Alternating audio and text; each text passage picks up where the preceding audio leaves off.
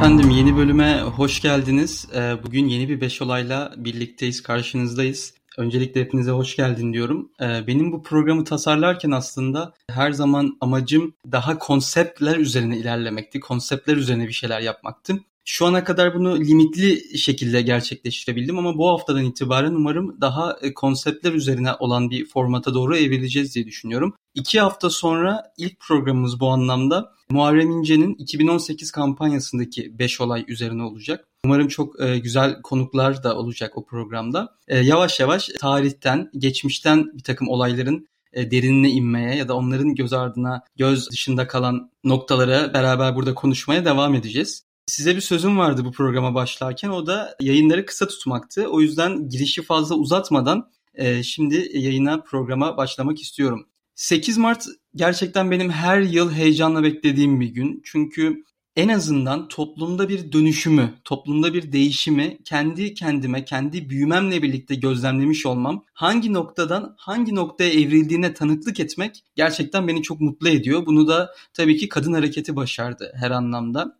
8 ee, Mart'ta e, bu yıl maalesef Taksim kapalıydı. E, Taksim'i kapatılması yanılmıyorsam 2019'a kadar uzanıyor. 2019'dan beri Taksim Meydanı'na 8 Mart alınmıyor. Ve oradan çok eğlenceli e, pankartlar, çok güzel pankartlar e, gözlemledim. Sizle tartışmak istiyorum bunları. Lütfen siz de yorumlarınızı yazınız. Şimdi öncelikle en sağdan başlamak istiyorum. En sağdan başlamamın sebebi, daha doğrusu bu pankartı seçmemin sebebi son 4-5 yılda daha çok hayatımıza girmiş olan ve yine kadın hareketinin çok üstünde durduğu psikolojik şiddet, mansplaining, gaslighting gibi kavramlara işaret eden bir duruma tepki olması anlamında benim için çok önemli. O yüzden bunların daha da fazla görünür olması, daha da fazla bizim toplumun da tartışmaların bir parçası olmasını çok önemli buluyorum. Bu yüzden Sorduk mu adlı bu pankartı birinci olarak çok önemli buldum ve seçtim. Ve eminim e, şiddetin ya da kadın hareketinin bu vurgusu giderek devam edecektir. İkincisi 9 Mart solcu abilerin pankart eleştirme günü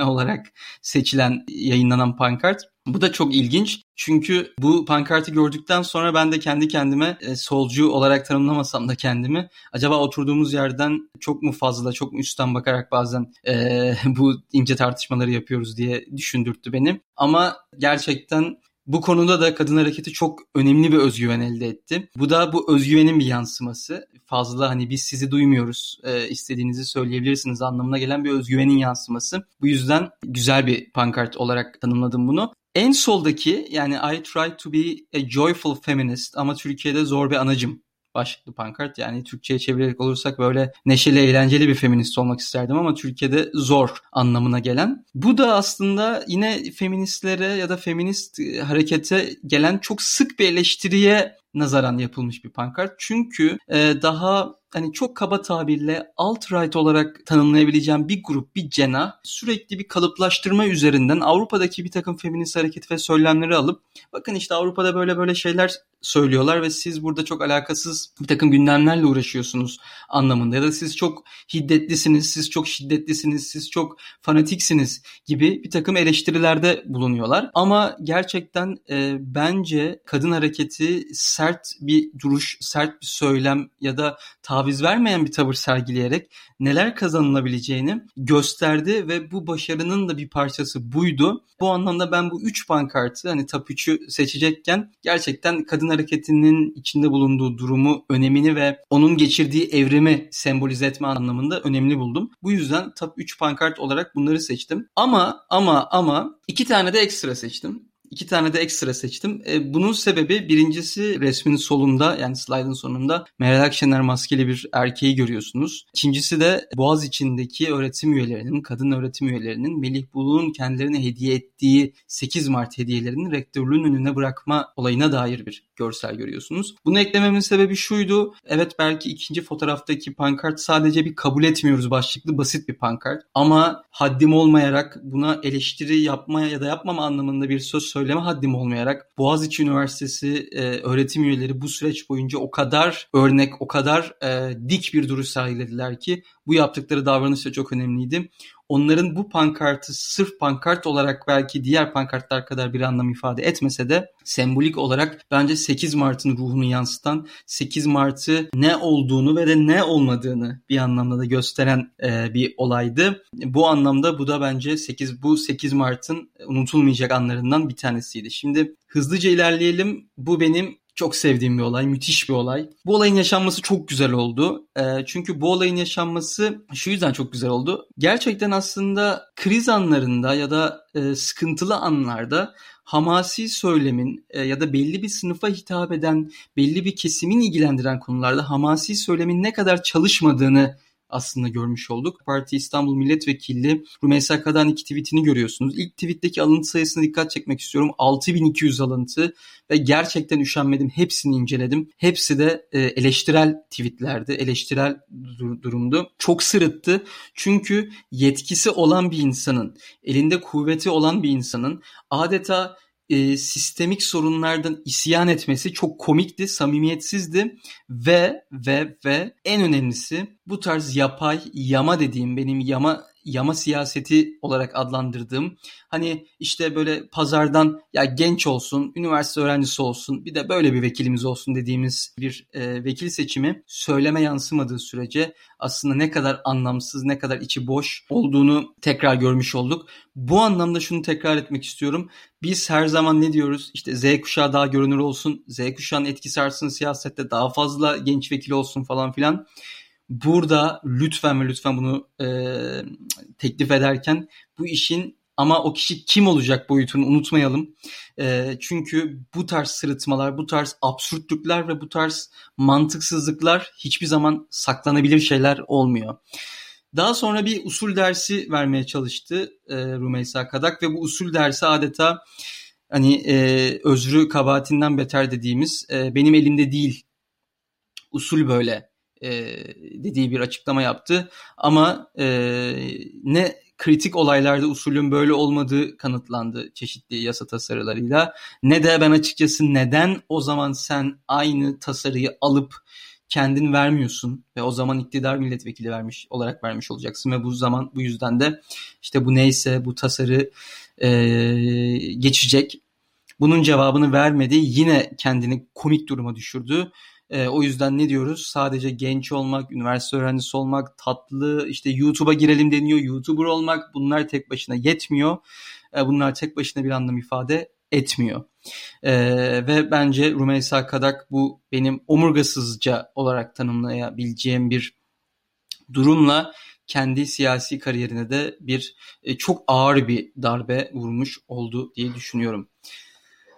Şimdi e, en ilginç olaylardan bir tanesi o da e, bunun başlığını gemide olarak seçtim çünkü e, biliyorsunuz gemide ve ve sarmaşık adında iki tane e, güzel film var. Onlar bu filmler genelde e, Türkiye'deki toplumu ya da bir devlet içindeki düzeni temsil ettiği söyleniyor. E, yani bu anlamda yorumlanıyor. Benim de çok sevdiğim iki film. E, bu da bizim e, muhalefet gemisinde e, bir takım denge ve e, düzeni sarsan, bozan bir, bir amaca hizmet etti. E, bu dönemle ilgili tarihten bir anekdot bırakacak olursak da e, kesinlikle bu olay burada olmalıydı. E, ben açıkçası e, şöyle düşünüyorum. Bir kapsayıcılık iddiası, kapsayıcılık söylemi her zaman herkese aynı anda aynı masada buluşturmak demek değildir. Bunu e, uluslararası ilişkiler literatüründe şöyle bir söylem vardır. Soft power yani yumuşak güç, e, hard power yani sert güç daha e, şahin politikaları bir de smart power yani akılcı güç. Burada izlenmesi gereken yol ne hayır yumuşak olalım kesinlikle bu toplara girmeyelim ne sert olalım her anlamda bu söylemi buluşturalım bir araya getirelim. Hayır akılcı olalım ve bu söylem gördük ki hiçbir yönlendirme gerek kalmaksızın İyi Parti tabanında bir e, ayaklanmaya yol açtı ve bence bütün aktörler çok soğukkanlı bir şekilde e, bu süreci yönetti. Bütün aktörler soğukkanlı bir şekilde bunun hani bu da bizim kırmızı çizgimiz bunlara henüz girmeye gerek yok dendi. Mesaj da zaten çok sembolikti atılmaması da hiçbir şey kaybetmezdi. Şu an İmamoğlu'nun izlediği çok güzel bir denge var. E, bence bunun e, aksine bir hareket oldu ama süreç çok güzel yönetildi. Ee, umarım devamında daha dikkatli olunur. Bunu da şu anlamda söylüyorum. Aynı şey HDP tabanına ayağa kaldıracak bir hareket gireceksiydi ki sizin bunu katılıp katılmamanız katılmamanız önemli değildir. Ben bu mesaja kesinlikle katılıyorum. Bu mesaj çok önemlidir ve gönül ister ki hep beraber aynı masada oturalım ama e, bu mümkün değilse de zaten siyasetin görevi bunun arka kapılardan ya da e, informal yollarla nasıl yapılacağını bulmak. İmamoğlu bunu çok başarılı bir şekilde yaptı. E, ama görüldü ki bu e, yöntem çok olmadı. Ben e, yorumlardan da almak istiyorum. E, Mustafa Özgen bence bir şey denendi ve tepki ölçüldü akılcı bir hamle oldu demiş. E, ben tepki ölçüldü noktasına katılıyorum. Kesinlikle bir şey denendi ve tepki ölçüldü. Ama çok da akılcı bir hamle olmadığı ya da en azından buna en azından şu an için hazır olunmadığı da e, görünmüş oldu. Zaten dikkatinizi çekti mi bilmiyorum. Bu olaydan sonra hani İmamoğlu ekibinin de bunu ne kadar ciddiye aldığını e, söylemek için söylüyorum. İmamoğlu ne yaptı, İmamoğlu ne dedi gibi bir takım Twitter hesapları bir ya da iki gün boyunca çok yoğun bir kampanyaya girdiler. Tekrar tekrar İmamoğlu'nun bu süreçte ne yaptığını tartıştılar. Ne yaptığını konuştular. Olayı başka bir, o daha başka bir yere çekmeye çalıştılar. Bence doğru bir stratejiydi ama bu da ne kadar aslında İmamoğlu ekibinin de gelen tepkilerden bir noktada ürktüğünü, bir noktada e, sıkıntı yaşadığını gösteren bir olaydı. E, o yüzden bu mesaj, e, bu bu İmamoğlu'nun bu kapsayıcı tutumu devam etmeli ama çok daha dikkatli olunmalı. Ve zaten şu an aslında pratikte işleyen bir muhalefet bloğu iddiası var. Ee, bunu çok akılcı hamlelerle bir arada tutmalı. Onun dışında diyalog süreci de gelecektir. Ee, diğer ama diğer süreçler de gelecektir. Ama ve lakin bir taban hem HDP tabanı için söylüyorum hem İyi Parti tabanı için söylüyorum. Herhangi bir siyaset yönlendirmesi olmadan ya da siyasetçi söylemi olmadan böyle bir tepki duyuyorsa sizin buna dışarıdan bakıp ya ama bu olay öyle bir şey değil de demeniz pek bir şey ifade etmez. Çünkü elimizde ampirik bir gerçeklik vardır. Bu gerçekliği siz söylemenizle aşamazsınız, yok edemezsiniz. Ee, bu noktada ben de bu anlamda gerçekten sadece Yavuz Ağrayol gibi siyasi aktörler tweet atsaydı ya da birkaç iyi Partili çıkış, sert bir çıkış yapsaydı diyecektim ki tabii ki onlara göre bir hamle yapmayacağız. Ama ben İyi Parti tabanından katılmasam da e, samimi bir tepki gördüm. E, samimi bir isyan gördüm. Ben buna katılmıyorum. Ben buna anlam vermiyorum ama bunu da anlamak gerekir. Bu yüzden e, bunu göz önünde bulundurup e, çok daha dikkatli olmak gerekir ve tekrar ve tekrar buradan şahsım adına bir genç adına e, Meral Akşener artık boomer siyasetçi e, yaşı itibariyle belki denebilir ama hareketleri ve söylemleri itibariyle belki denemez şu an için. Ama e, kendisi müthiş bir performans gösteriyor. Salı günü yapılan, dün yapılan meclis grup toplantısında da çok akılcı bir şekilde hiç bu meselelere derine girmeden, hiç bu meselelerin deşilmesine izin vermeden tartışmayı defetti, dağıttı ve bence özellikle olaydan sonra yaptığı e, arkadaşlar bir tepki göstermiş. Anlıyorum, saygı duyuyorum e, mesajıyla da e, sizin e, demok sizin mesajınızı aldım. Daha dikkatli olacağım mesajını verdi ve biz de yolumuza bakıyoruz. E, burada tabii sistemin bize getirdiği bir takım avantajlardan da bahsetmek gerekir. E, çünkü muhalefet AK Parti o kadar evil, o kadar şeytani bir parti haline geldi ve kendi ittifakını o kadar şeytani ve düşmanca bir şekilde konumlandırdı ki bu tarz olaylarda hadi sakince oturup çözelim, hadi sakince benzer durumları nasıl yaşamayız bunları konuşalım anlamında bize çok büyük bir avantaj veriyor. Çünkü gidecek bir yer yok. Çünkü bu ikili sistemde gerçek anlamda AK Parti'nin o politikalarına onay vermeyeceğiniz durumda mecburen kendi içinizde e, bir hamle e, çözüm bulmanız gerekiyor. Bu da aslında aynı masada kalmak anlamında bir teşviktir. Erdem Bey yazmış, Akşener gerçek gündemi unutturmuyor yazmış. E, kesinlikle öyle. Hem gerçek gündemi unutturmuyor hem de e, bu bir takım sorun olabilecek durumların büyümesini engelliyor. Şimdi AKP 1994 ruhuna geri mi dönüyor tartışmaları? Ona geçmeden önce Özgür Bey bir yorum yapmış. Onu hemen okuyayım erken bir çıkış olduğunu, tabanın hazır olmadığını söylemiş. Ben de aynı şekilde zorlamanın alemi yok demiş. Şimdi bakın %100 aynı şekilde düşünüyorum. Ee, bu parti, İyi Parti tabanı 23 Haziran'da hiç gocunmadan neyin ne olduğunu bilerek HDP seçmeniyle aynı adaya oy vereceklerini çok iyi farkında olarak gittiler ve oy verdiler. Yani o denge sağlandığı zaman İyi Parti tabanıyla MHP tabanını ya da AK Partili MHP'lilerin ortak tabanını aynı sınıfa koymak, aynı kotadan değerlendirmek ya işte bunlar ülkücüler gelip aynı reaksiyonları gösteriyorlar kardeşim demek pek doğru bir çıkış değil. Gerçeklikle bağdaşmayan bir çıkış. Burada iki farklı taban var, iki farklı reaksiyon var. Ee, AK Parti ile aynı yere gelmeyenler var. MHP AK Parti ile yakınlaştığında. Dolayısıyla bu denge düzgün bir şekilde sağlandığında zaten iki tabanda çok fazla e, şartları zorlamıyorlar. Kendi bekalarıyla, kendi politik varlıklarıyla, e, kendi ideal düşüncelerini e, bir şekilde barıştırıyorlar. E, bu yüzden bu şekilde bir durum var. Bırakın bu denge devam etsin. Evet hepimizin idealleri var ve evet ben de bir gün bu iki aynı anda hem Meral Akşener'in hem Pervin Buldan'ın e, Kadınlar Günü'nün kutlanabildiği bir Türkiye hayaliyle yanıp tutuşuyorum. Umarım da olacak.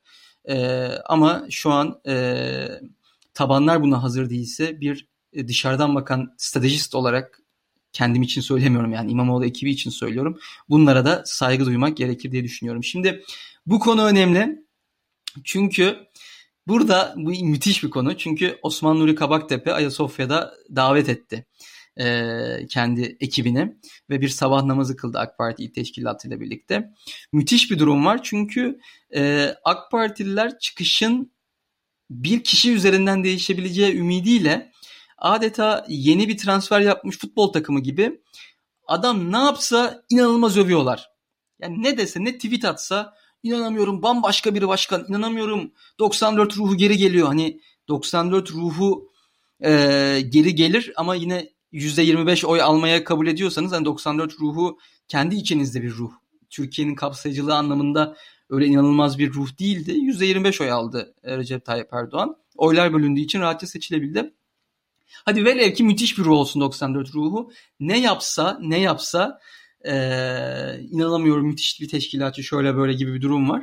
Ee, bu çok komik tabii ki. Gerçeklikle de bağdaşmayan bir durum. Çünkü tek başına AK Parti ne söylem bazında ne insanlara ulaşma bazında tek başına bir kişinin e, değiştirebileceği bir kriz yaşamıyor. Ha, velev ki Osman Nuri Kabaktepe Erdoğan'ı ikna edebilecek ve onunla konuşup bir şeyleri değiştirebilecek güçte bir insandır ki hiç sanmıyorum. Şayet öyleyse bir şeyler konuşulabilir. Ama e, işte böyle tatlı tatlı emojiler bunlar bunlar birkaç olaya bakar. E, birkaç krizde Osman Nuri Kabaktepe'nin de ne kadar Erdoğan'ın şu an AK Parti'yi efsanevi bir oy kaybettiren politika ve söylemlerini nasıl benimseyeceğini, nasıl kapsayıcı olamayacağını, nasıl kendi kitlesinin de bu anlamda konsolide olacağını, arkasında olacağını göreceğiz. Ee, ve kendilerini çok sevdikleri, inanılmaz dayanıştıkları, beraber namazlara gittikleri, çok e, nasıl desem sert buldukları, güzel buldukları bir il başkanları olacak ama tekrar o eski yüksek oylarını alacaklar mı derseniz e, bir kişinin yapacağı bir şey değil. E, gidip bu tarz sembolik etkinliklerde başarılar diliyorum kendilerine. En kısa zamanda bu olayda bilmiyorum havası sönecektir diyeyim ve bu gaz bu yapay gaz AK Parti teşkilatının ya bu müthiş biriymiş bu harika biriymiş dedikleri yapay gaz e, kendini bulacaktır. Ve bir noktaya daha değinmek istiyorum bir noktaya daha değinmek istiyorum. Şimdi Ayyuca da yazmış e, özümüze dönüyoruz düşüncesi gibi. E, evet ama bu çok yapay bir şey. Çünkü şöyle bir şey var e, sayın dinleyenler. Bayram Şenocak yani AK Parti'nin önceki il başkanı görevden ayrılmadan önce birkaç istisnai tepki hariç kimse bu il başkanının ne kadar berbat olduğunu, seçime gidilmesi gerektiğini ve adaylarının da şu veya bu kişi olduğunu değinmiyordu. 2019'daki hezimetten sonra neredeyse iki sene geçti. İki sene boyunca Bayram Şenocak AK Parti il başkanı olmaya devam etti. Biz ne gerçek anlamda bunun uğruna mücadele veren ya bu başkan çok kötü ya bu başkan ee, gitmeli diyen bir şey görmedik. İşte Osman Nuri Kabaktepe var bizim müthiş teşkilatçıdır harika biridir hadi gelin e, bunu getirelim X'i getirelim yeri getirelim tepkilerini görmedik. Ama başkan ayrıldığı anda daha aday yokken Bayram Şen Ocak tarihin gördüğü en kötü teşkilatçı plus tarihin gördüğü en kötü şey oldu. Bütün ilçe başkanları ve bütün gazeteciler ya biz zaten bunu söylüyorduk ya zaten şöyle kötüydü ya zaten böyle lanet bir insandı gibi durum vardı. Ama yine hiçbir isim önerisi yoktu. Hani yine şöyle biri bizim teşkilatımıza yakışır gibi isimler konuşulmuyordu. Erdoğan gidip sandıktan saçma yani hiç adı bilinmeyen birini çıkardı. Ve herkes bir anda ee, ya müthiş biri ya şu tweet'e bakın ya şu harekete bakın ya böyle bir samimiyet yok falan durumlarına girmeye başladı. Dediğim gibi bu e, başarıya aç, kaybetmeye işlerin kötü gideceğini bilen krizdeki futbol takımı taraftarı refleksidir. Devre arası gidip Anadolu takımından büyük takımlar birkaç transfer yapar. Oyuncunun kalitesi çok yeterli değildir. Oyuncunun çok ekstra işler yapması gerekir durumu döndürmek için. O işleri yapıp yapmamasından bağımsız taraftarlar birkaç güzel harekette ya işte istediğimiz şey işte yapboz gibi eksik noktaya oturan bir oyuncuymuş gibi tepki gösterir. Bu adeta biraz kendini rahatlatma ve gerçekte yüzleşmeyi erteleme davranışıdır. Bu anlamda da tipik böyle bir şey görüyorum ve beni keyiflendiriyor bir e, muhalif olarak. Taylan Soylu'nun yazdığına müthiş katılıyorum. E, gerçekten öyle. Hiçbir şey sunamıyorlar. Bir şey halka, Taylan Soylu şöyle yazmış podcast'ten dinleyenler için okuyayım. Halka yeni bir şey sunamadıklarından çareyi lider kültür yaratmakta buluyorlar demiş. Kesinlikle öyle. E, çünkü bütün politikalar, e, bütün söylem değişiklikleri tek bir adama bağlı. Onu kesinlikle sarsamıyorsunuz ya da sorgulayamıyorsunuz. Bu anlamda buradan bir çok çıkış yolu bulamayan Adalet ve Kalkınma Partisi tabanı belki de çoğu iyi niyetlidir. Ona da hiçbir lafım yok. Böyle bir adeta işte transfer ettikleri Anadolu takımından transfer ettikleri bir sağ kanat oyuncusunun müthiş ve insanüstü işler yaparak hiç beklentilerin çok üstünde bir şeyler yaparak tüm takımı taşıyabileceğini umuyorlar ve bu bir wishful thinking. Bu iyi niyet e, dileklerinin e, bir karşılığı yok. Antrenörünüz çok kötü, başkanınız çok kötü, ekonomik olarak kulübünüzün yapısı çok kötü. E, kimse taraftarlarınız bile gittikçe azalıyor. Maçlarınıza kimse gelmiyor. Bu kulübün gelip böyle bir oyuncuyla tekrar eski başarılı günlerine dönmesi hiçbir şekilde mümkün değil. Gerçekten ben de eğlenceli bir şekilde izliyorum. Çünkü bu tatlılığın altında, bu emojili tweetlerin altında çok endişeli bir takım suratların, e, gergin bekleyişlerin ve bir takım çırpınışların olduğunu biliyorum. E, bu anlamda merakla bekleyeceğim e, süreci ve benzer durumları. E, şimdi dördüncü olayımız da buydu. Beşinci olayımız da yumuşak bir söylemle aslında bir kapanış olayı olarak sunmak istedim.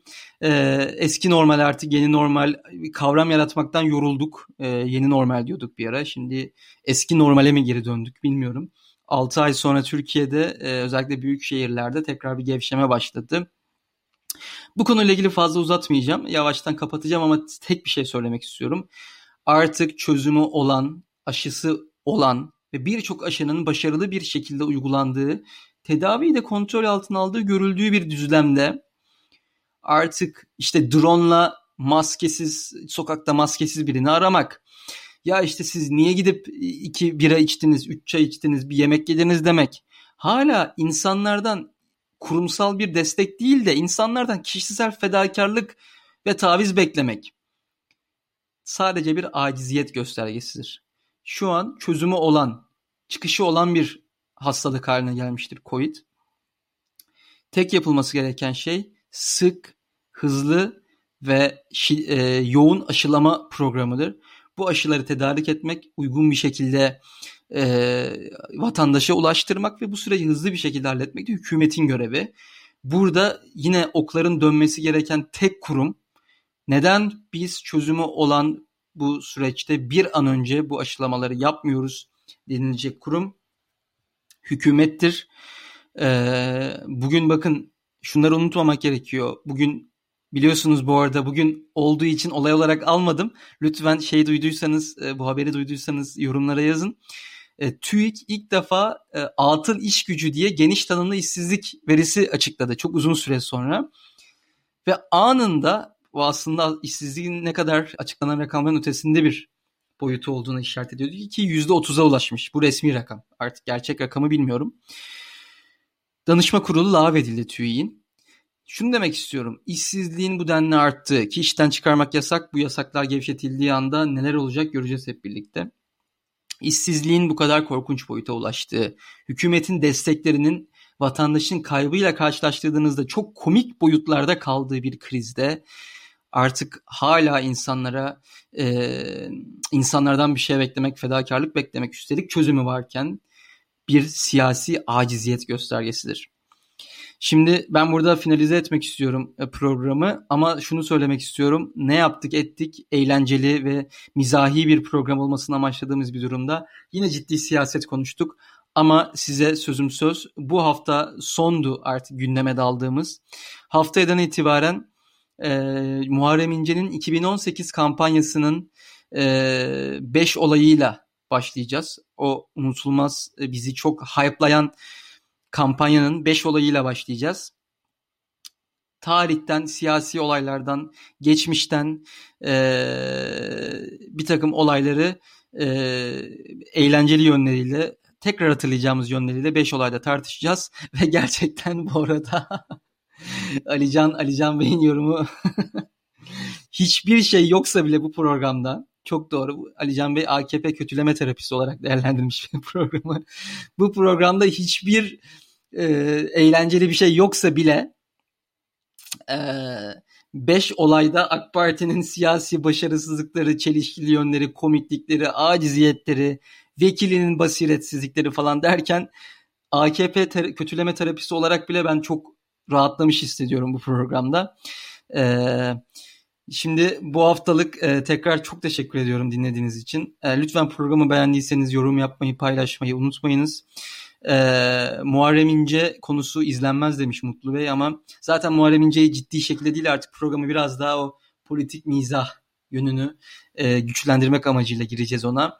İki hafta sonra yine çarşamba günü aynı saatte Muharrem İnce 2018 kampanyası unutulmayan Beşan programımızda birlikte olalım. Kendinize çok iyi bakın. Görüşmek üzere diyorum.